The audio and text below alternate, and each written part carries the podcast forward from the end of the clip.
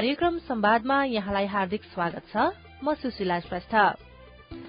कार्यक्रम संवाद सामुदायिक रेडियो प्रसारक संघ अखुराबद्वारा संचालित सामुदायिक सूचना नेटवर्क सीआईएन मार्फत देशभरि प्रसारणमा रहेका करिब तीन सय सामुदायिक रेडियोबाट सुन्न सकिन्छ। कार्यक्रम संवाद सीआईएन खबर डट कममा इन्टरनेट मार्फत चाहेको बेला विश्वभरि सुन्न सकिन्छ भने मोबाइल एप सीआईएन डाउनलोड गरेर पनि सुन्न सकिन्छ। वर्ल्ड भिजन इन्टरनेशनल नेपालसँगको सहकार्यमा तयार पारिएको यो कार्यक्रम बाल विवाह लगायतका हानिकारक परम्परागत अभ्यासहरूको अन्त्यका लागि भइरहेका प्रयासमा केन्द्रित रहनेछ। आजको कार्यक्रममा हामी नेपालमा बाल विवाहको अवस्था र बाल विवाह अन्त्यका लागि भइरहेका प्रयासमा केन्द्रित रहनेछौं।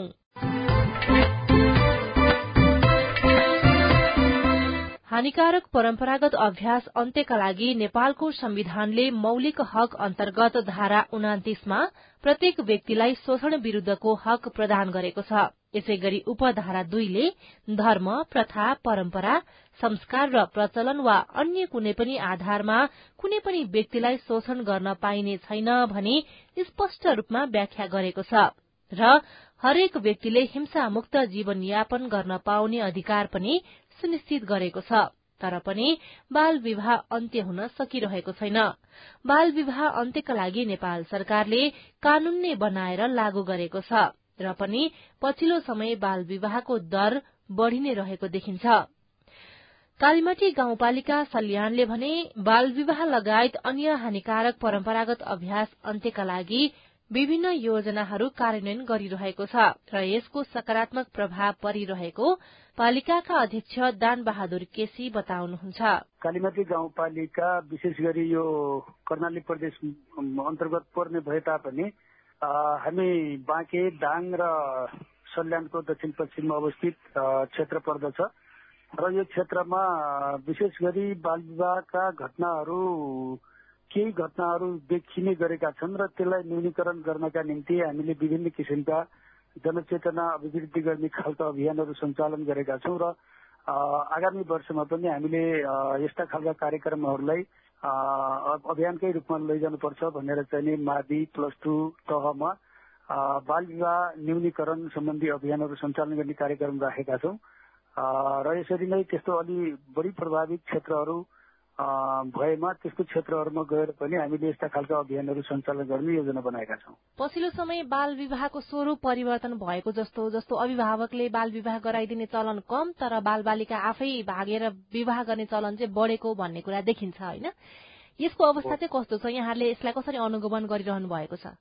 यस्ता खालका घटनाहरू पनि देखिने गरेका छन् तर यस्तो जानकारीमा आएको खण्डमा हामीले दुवै पक्षको अभिभावकहरूलाई बोलाएर इलाका कार्यालयमा उहाँहरूको उपस्थितिमा हामीले सम्बन्धित केटाकेटीहरूको बाबुआमाहरूलाई जिम्मा लाउने काम गर्दै आएका छौँ र यो कुरालाई अलिकति सार्वजनिकीकरण गर्दै समाजमा पनि अब यो चाहिँ बाल विवाह गर्नु हुँदैन है त्यो गर्न बाल विवाह गरियो भने पनि त्यसलाई चाहिँ प्रशासनले अर्थात् चाहिँ स्थानीय तहले विवाह हुन दिँदैन भन्ने खालको मेसेज प्रवाह गरिएको छ र अलिक यो लेटेस्ट टाइममा त्यस्तो खालको घटनाहरू देखिएका छैनन्। अन्य हानिकारक परम्परागत अभ्यासहरूको अवस्था चाहिँ कस्तो छ? त्यो चाहिँ जस्तो दाइजो प्रथा अब हामीले सुन्ने गर्छौँ अलि यो बढी तराईतिर पूर्वी तराईतिर यसको अलिक भयावह अवस्था छ भन्ने। अब यो हाम्रो क्षेत्रमा अब त्यो दाइजो प्रथाको त्यति ठुलो प्रभाव देखिँदैन। अब सामान्यतया चाहिँ एउटा परम्परागत रूपमा परम्परालाई धान्नका निम्ति सामान्य त्यो सबैलाई सहज हुने पस्ने किसिमका कुराहरू त चलन चल्तीमा छन्। तर दाइजोकै कारणले अब विवाह कार्यक्रमहरू अवरुद्ध हुने रोकिने वा चाहिँ त्यसो कारणले विवाह हुन नसक्ने वा चाहिँ केटी पक्षलाई चाहिँ टर्चर हुने ठूलो समस्यामा जानुपर्ने त्यस्तो अवस्था छैन। पछिल्लो समय स्थानीय सरकारले बाल विवाह अन्त्यका लागि विभिन्न कार्यक्रमहरूलाई प्राथमिकताका साथ अगाडि बढ़ाइरहेको त देखिन्छ तर अन्य हानिकारक परम्परागत अभ्यासहरूलाई चाहिँ त्यति प्राथमिकतामा राखेर योजना तर्जुमा नभएको कार्यक्रमहरू नलाइएको जस्तो देखिन्छ। यहाँको पालिकामा पछिल्लो अवस्था चाहिँ के छ त? हामी यी सबै कार्यक्रमहरूलाई जोडेर लिने गरेका छौँ। ठ्याक्कै त्यसको लागि चाहिँ कस्तो खालको कार्यक्रमहरू अगाडि सारिरहनु भएको छ यहाँहरूले? हामीले विशेष गरी अब बाल विवाद विरुद्धको अभियान त्यसपछि लागु औषध विरुद्धको अभियान त्यसपछि अब यो दलित उत्थान कार्यक्रमहरू त्यसपछि आएर महिलासँग सम्बन्धित महिलाहरूलाई अलिकति आय आर्जनसँग जोड जोड्नका निम्ति उहाँहरूको चाहिँ जीवनस्तरलाई माथि उठाउनका निम्ति त्यस्ता खालका रोजगारमूलक कार्यक्रमहरू यस्तो खालको कार्यक्रमहरूलाई जोडेर अगाडि बढाउँदैछु सर। पश्चिम नेपालमा अलिकति छाउपडी प्रथा अथवा महिनावारीलाई चाहिँ बार्ने चलन पनि छ होइन? यो चाहिँ तपाईँको पालिकामा कतिको छ? यो छपरी प्रथा हाम्रो पालिकामा छैन भन्दा पनि हुन्छ। यो मैले जान्दाखेरिदेखि नै अब अलग कोठामा बस्ने चलन त थियो त्यति बेला। छाउपरी नै थिएन कि घरभित्रकै अलग कोठामा बस्ने भान्सामा नबस्ने त्यस्तो खालको चलन थियो। त्यो अहिले त्यस्तो छैन। अब अधिकांश महिलाहरू आफ्नो सरसफाइ गरेर भान्सामा पनि प्रयोग गरिरहेका हुन्छन् भान्साहरू पनि। अब सार्वजनिक सभा समारोह अब सार्वजनिक कामहरूमा आफ्नो नियमित काम कुराहरूमा उनीहरू त्यही कारणले छुट्टै बस्नुपर्ने त्यस्तो अवस्था छैन। उहाँहरू आफ्नो सरसफाइलाई चाहिँ ध्यान दिँदै आफ्ना दैनिक कामहरू अगाडि बढाइरहनु भएको छ। त्यसले चाहिँ कुनै प्रभाव असर केही पनि पारेको देखिँदैन। पछिल्लो समय जातीय विभेदको अवस्थालाई चाहिँ पालिकाले कसरी मूल्याङ्कन गरेको छ? जातीय विभेद पनि अलिकति बुढापाकाहरू जो चाहिँ यो छुवाछुत प्रथालाई चाहिँ मान्दै आउनु भएको छ उहाँहरूको हकमा उहाँहरू आफै सजग भएर त्यो कुरालाई अहिले पनि मान्दै आएको हुन सक्नुहुन्छ। तर आम रूपमा चाहिँ छुवाछुतकै कारणले समाजमा गलत कुराहरू वा चाहिँ सामाजिक द्वन्द निम्त्याउने खालका जातीय रूपमा अपहेलित भएको त्यस्तो अवस्था छैन। छुवाछुत एक किसिमले छैन भन्दा पनि हुन्छ।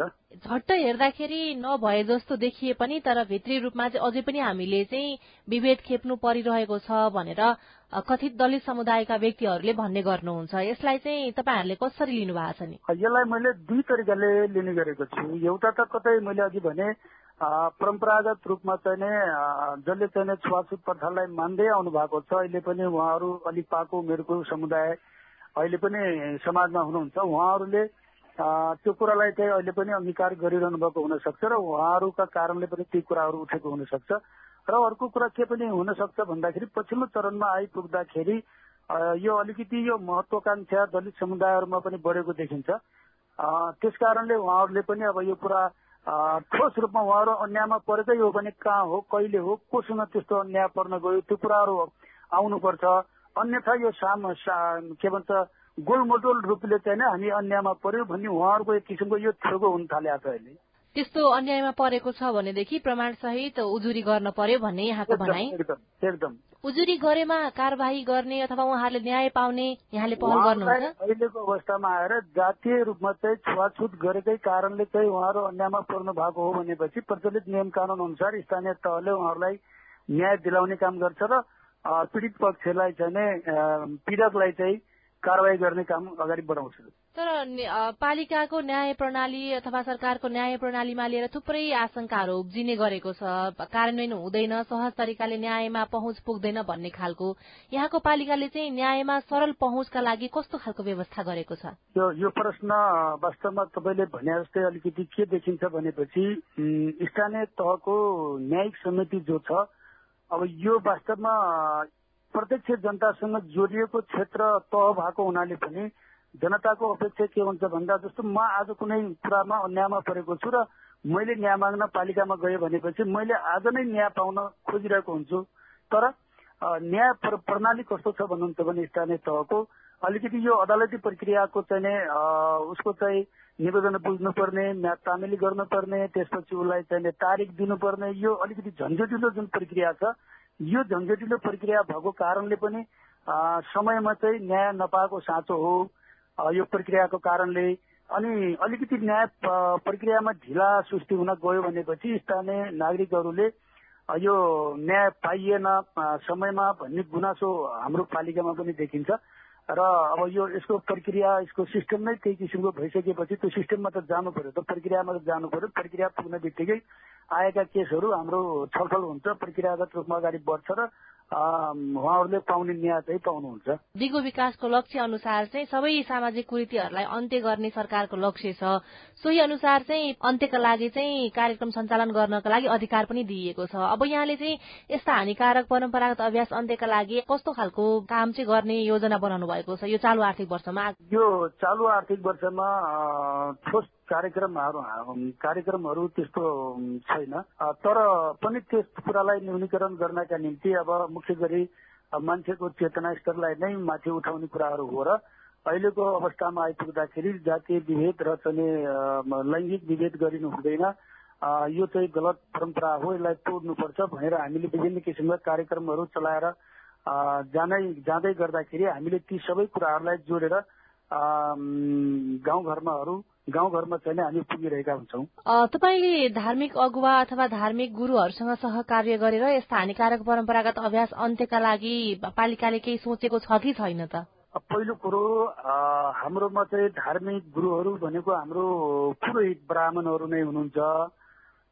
र त्यसपछि चाहिँ नै अब यता क्रिस्चियनतिर हेऱ्यो भने पास्टरहरू हुनुहुन्छ। र उहाँहरूसँग यो विषयमा हाम्रो छलफल सहकार्य हुन्छ र उहाँहरूले गर्ने सामाजिक कार्यक्रमहरूमा पनि अब यस्ता कुराहरूलाई जानकारी चाहिँ गराउँदै आउनु भएको छ र गराउनुहुन्छ। शारीरिक र मानसिक रूपमा परिपक्व नभई विवाह गर्दा र सन्तान जन्माउँदा विविध समस्या आउन सक्ने भएकाले विवाहको लागि उमेरको हदबन्दी तोकिएको छ। बाल विवाह बाल अधिकार महिला अधिकार मानव अधिकारको हनन मात्रै होइन विकास र समृद्धिको बाधकको रूपमा पहिचान गरी सरकारले दिगो विकासको लक्ष्य प्राप्तिका लागि बाल विवाह अन्त्य अनिवार्य घोषित गरेको छ। तपाई अहिले साप्ताहिक रेडियो कार्यक्रम संवाद सुनिरहनु भएको छ। वर्ल्ड भिजन इन्टरनेशनल नेपालसँगको सहकार्यमा सीआईएनले तयार पारेको यो कार्यक्रम बाल विवाह लगायतका हानिकारक परम्परागत अभ्यास अन्त्यका लागि भइरहेका प्रयासमा केन्द्रित रहेको छ। पछिल्लो समय नेपाल सरकारले हानिकारक परम्परागत अभ्यास अन्त्यका लागि गरेका राष्ट्रिय तथा अन्तर्राष्ट्रिय प्रतिबद्धता अनुरूप विभिन्न नीति तथा कानूनहरू निर्माण गरी सकारात्मक काम गर्दै आएको छ। त्यही पनि यस्ता अभ्यास कतै न कतै सक्रिय रहेको हामीले देखिरहेका छौं भोगिरहेका छौं। यस्ता लैंगिक विभेद असमानता र हिंसा निर्मूल पार्न प्रभावकारी कानून निर्माण तथा कार्यान्वयनको लागि सरकार प्रतिबद्ध हुनुपर्छ। अनि मात्र हानिकारक परम्परागत अभ्यास अन्त्य भई समग्र पक्षको विकास हुन मद्दत पुग्नेछ। समाजमा रहेका यस्ता हानिकारक परम्परागत अभ्यास अन्त्यका लागि अन्तर धार्मिक सञ्जाल निरन नेपालले पनि विगत लामो समयदेखि काम गरिरहेको छ। निरन नेपालले कसरी काम गरिरहेको छ संस्थाका अध्यक्ष हर्ष थापासँग हामीले कुराकानी गरेका छौं। कालीमाटी गाउँपालिका विशेष गरी यो कर्णाली प्रदेश अन्तर्गत पर्ने भए तापनि हामी बाँके दाङ र सल्यानको दक्षिण पश्चिममा अवस्थित क्षेत्र पर्दछ। र यो क्षेत्रमा विशेष गरी बाल विवाहका घटनाहरू केही घटनाहरू देखिने गरेका छन् र त्यसलाई न्यूनीकरण गर्नका निम्ति हामीले विभिन्न किसिमका जनचेतना अभिवृद्धि गर्ने खालका अभियानहरू सञ्चालन गरेका छौँ र आगामी वर्षमा पनि हामीले यस्ता खालका कार्यक्रमहरूलाई अभियानकै रूपमा लैजानुपर्छ भनेर चाहिँ माधि प्लस टू तहमा बाल विवाह न्यूनीकरण सम्बन्धी अभियानहरू सञ्चालन गर्ने कार्यक्रम राखेका छौँ। र यसरी नै त्यस्तो अलि बढी प्रभावित क्षेत्रहरू भएमा त्यस्तो क्षेत्रहरूमा गएर पनि हामीले यस्ता खालका अभियानहरू सञ्चालन गर्ने योजना बनाएका छौँ। पछिल्लो समय बाल विवाहको स्वरूप परिवर्तन भएको जस्तो जस्तो अभिभावकले बाल विवाह गराइदिने चलन कम तर बाल बालिका आफै भागेर विवाह गर्ने चलन चाहिँ बढेको भन्ने कुरा देखिन्छ होइन? यसको अवस्था चाहिँ कस्तो छ? यहाँहरूले यसलाई कसरी अनुगमन गरिरहनु भएको छ? यस्ता खालका घटनाहरू पनि देखिने गरेका छन् तर यस्तो जानकारीमा आएको खण्डमा हामीले दुवै पक्षको अभिभावकहरूलाई बोलाएर इलाका कार्यालयमा उहाँहरूको उपस्थितिमा हामीले सम्बन्धित केटाकेटीहरूको बाबुआमाहरूलाई जिम्मा लाउने काम गर्दै आएका छौँ र यो कुरालाई अलिकति सार्वजनिकीकरण गर्दै समाजमा पनि अब यो चाहिँ बाल विवाह गर्नु हुँदैन है त्यो गर्न बाल विवाह गरियो भने पनि त्यसलाई चाहिँ प्रशासनले अर्थात् चाहिँ स्थानीय तहले विवाह हुन दिँदैन भन्ने खालको मेसेज प्रवाह गरिएको छ। र अलिक यो लेटेस्ट टाइममा त्यस्तो खालको घटनाहरू देखिएका छैनन्। अन्य हानिकारक परम्परागत अभ्यासहरूको अवस्था चाहिँ कस्तो छ? त्यो चाहिँ जस्तो दाइजो प्रथा अब हामीले सुन्ने गर्छौँ अलि यो बढी तराईतिर पूर्वी तराईतिर यसको अलिक भयावह अवस्था छ भन्ने। अब यो हाम्रो क्षेत्रमा अब त्यो दाइजो प्रथाको त्यति ठुलो प्रभाव देखिँदैन। अब सामान्यतया चाहिँ एउटा परम्परागत रूपमा परम्परालाई धान्नका निम्ति सामान्य त्यो सबैलाई सहज हुने पस्ने किसिमका कुराहरू त चलन चल्तीमा छन्।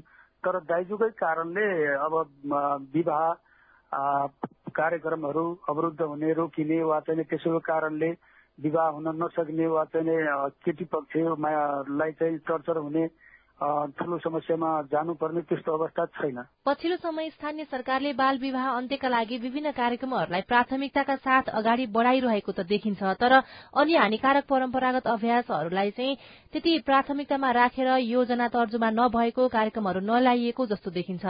यहाँको पालिकामा पछिल्लो अवस्था चाहिँ के छ त? हामी यी सबै कार्यक्रमहरूलाई जोडेर लिने गरेका छौँ। ठ्याक्कै त्यसको लागि चाहिँ कस्तो खालको कार्यक्रमहरू अगाडि सारिरहनु भएको छ यहाँहरूले? हामीले विशेष गरी अब बाल विवाह विरुद्धको अभियान त्यसपछि लागु औषध विरुद्धको अभियान त्यसपछि अब यो दलित उत्थान कार्यक्रमहरू त्यसपछि आएर महिलासँग सम्बन्धित महिलाहरूलाई अलिकति आय आर्जनसँग जोड जोड्नका निम्ति उहाँहरूको चाहिँ जीवनस्तरलाई माथि उठाउनका निम्ति त्यस्ता खालका रोजगारमूलक कार्यक्रमहरू यस्तो खालको कार्यक्रमहरूलाई जोडेर अगाडि बढाउँदैछु सर। पश्चिम नेपालमा अलिकति छाउपडी प्रथा अथवा महिनावारीलाई चाहिँ बार्ने चलन पनि छ होइन? यो चाहिँ तपाईँको पालिकामा कतिको छ? यो छाउपडी प्रथा हाम्रो पालिकामा छैन भन्दा पनि हुन्छ। यो मैले जान्दाखेरिदेखि नै अब अब अलग कोठामा बस्ने चलन त थियो त्यति बेला। छाउपडी नै थिएन कि घरभित्रकै अलग कोठामा बस्ने भान्सामा नबस्ने त्यस्तो खालको चलन थियो। त्यो अहिले त्यस्तो छैन। अब अधिकांश महिलाहरू आफ्नो सरसफाइ गरेर भान्सामा पनि प्रयोग गरिरहेका हुन्छन् भान्साहरू पनि। अब सार्वजनिक सभा समारोह अब सार्वजनिक कामहरूमा आफ्नो नियमित काम कुराहरूमा उनीहरू त्यही कारणले छुट्टै बस्नुपर्ने त्यस्तो अवस्था छैन। उहाँहरू आफ्नो सरसफाइलाई चाहिँ ध्यान दिँदै आफ्ना दैनिक कामहरू अगाडि बढाइरहनु भएको छ। त्यसले चाहिँ कुनै प्रभाव असर केही पनि पारेको देखिँदैन। पछिल्लो समय जातीय विभेदको अवस्थालाई चाहिँ पालिकाले कसरी मूल्याङ्कन गरेको छ? जातीय विभेद पनि अलिकति बुढापाकाहरू जो चाहिँ यो छुवाछुत प्रथालाई चाहिँ मान्दै आउनु भएको छ उहाँहरूको हकमा उहाँहरू आफै सजग भएर त्यो कुरालाई अहिले पनि मान्दै आएको हुन सक्नुहुन्छ। तर आम रूपमा चाहिँ छुवाछुतकै कारणले समाजमा गलत कुराहरू वा चाहिँ सामाजिक द्वन्द निम्त्याउने खालका जातीय रूपमा अपहेलित भएको त्यस्तो अवस्था छैन। छुवाछुत एक किसिमले छैन भन्दा पनि हुन्छ।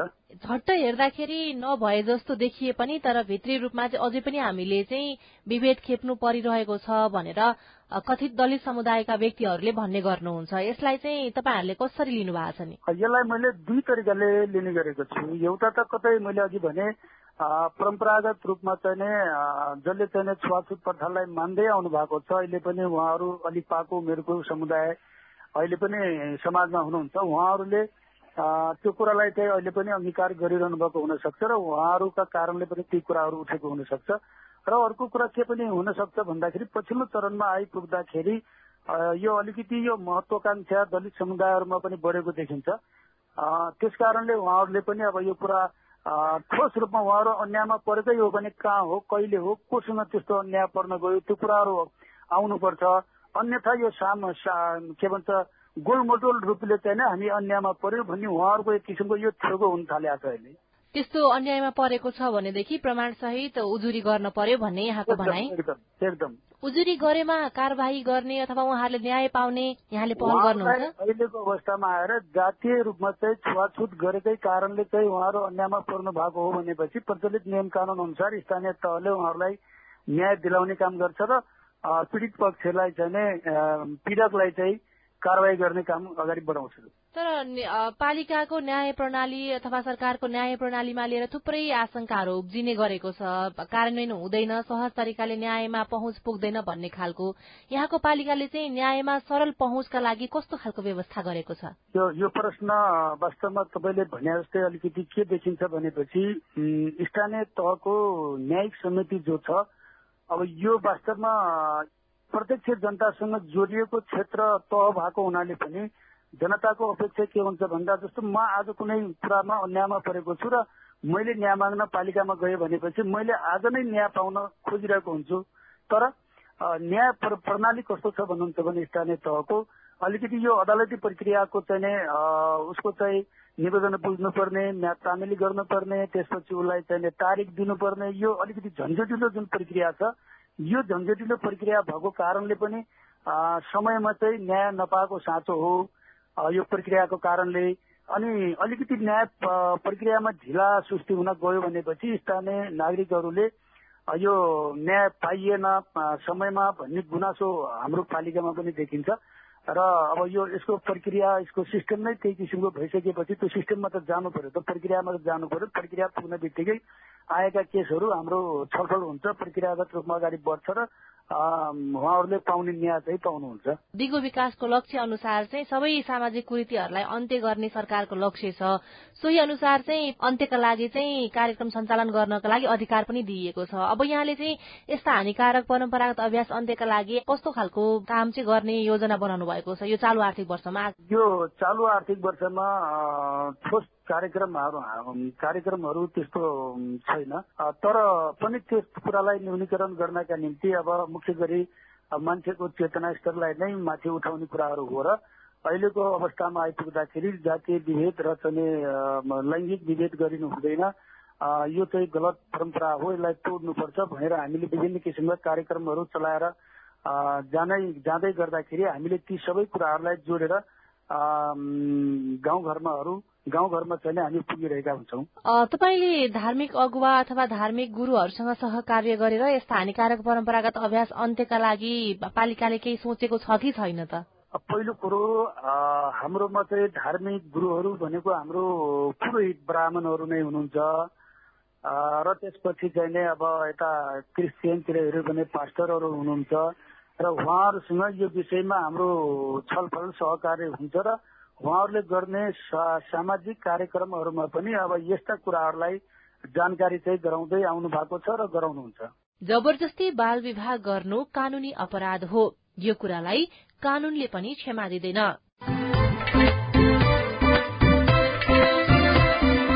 यो सँगै कार्यक्रम संवादको निर्धारित समय सकिने लागेको छ।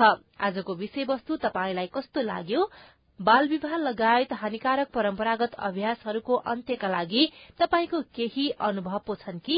हाम्रो टेलिफोन नम्बर शून्य एक बान्न साठी छ चार छमा फोन गरेर तपाई आफ्नो अनुभव तथा सल्लाह सुझाव जिज्ञासा एवं प्रतिक्रिया रेकर्ड गराउन सक्नुहुन्छ। साथै तपाईँले हामीलाई हाम्रो Facebook page community information network सीआईएनमा गएर पनि आफ्ना कुरा लेख्न सक्नुहुनेछ। हामी तपाईँको प्रतिक्रिया पर्खिरहनेछौ। वर्ल्ड भिजन इन्टरनेशनल नेपालसँगको सहकार्यमा सीआईएनले तयार पारेको कार्यक्रम संवादबाट प्राविधिक साथी सुभाष पन्तसँगै म सुशीला श्रेष्ठ पनि विदा हुन्छु। नमस्कार।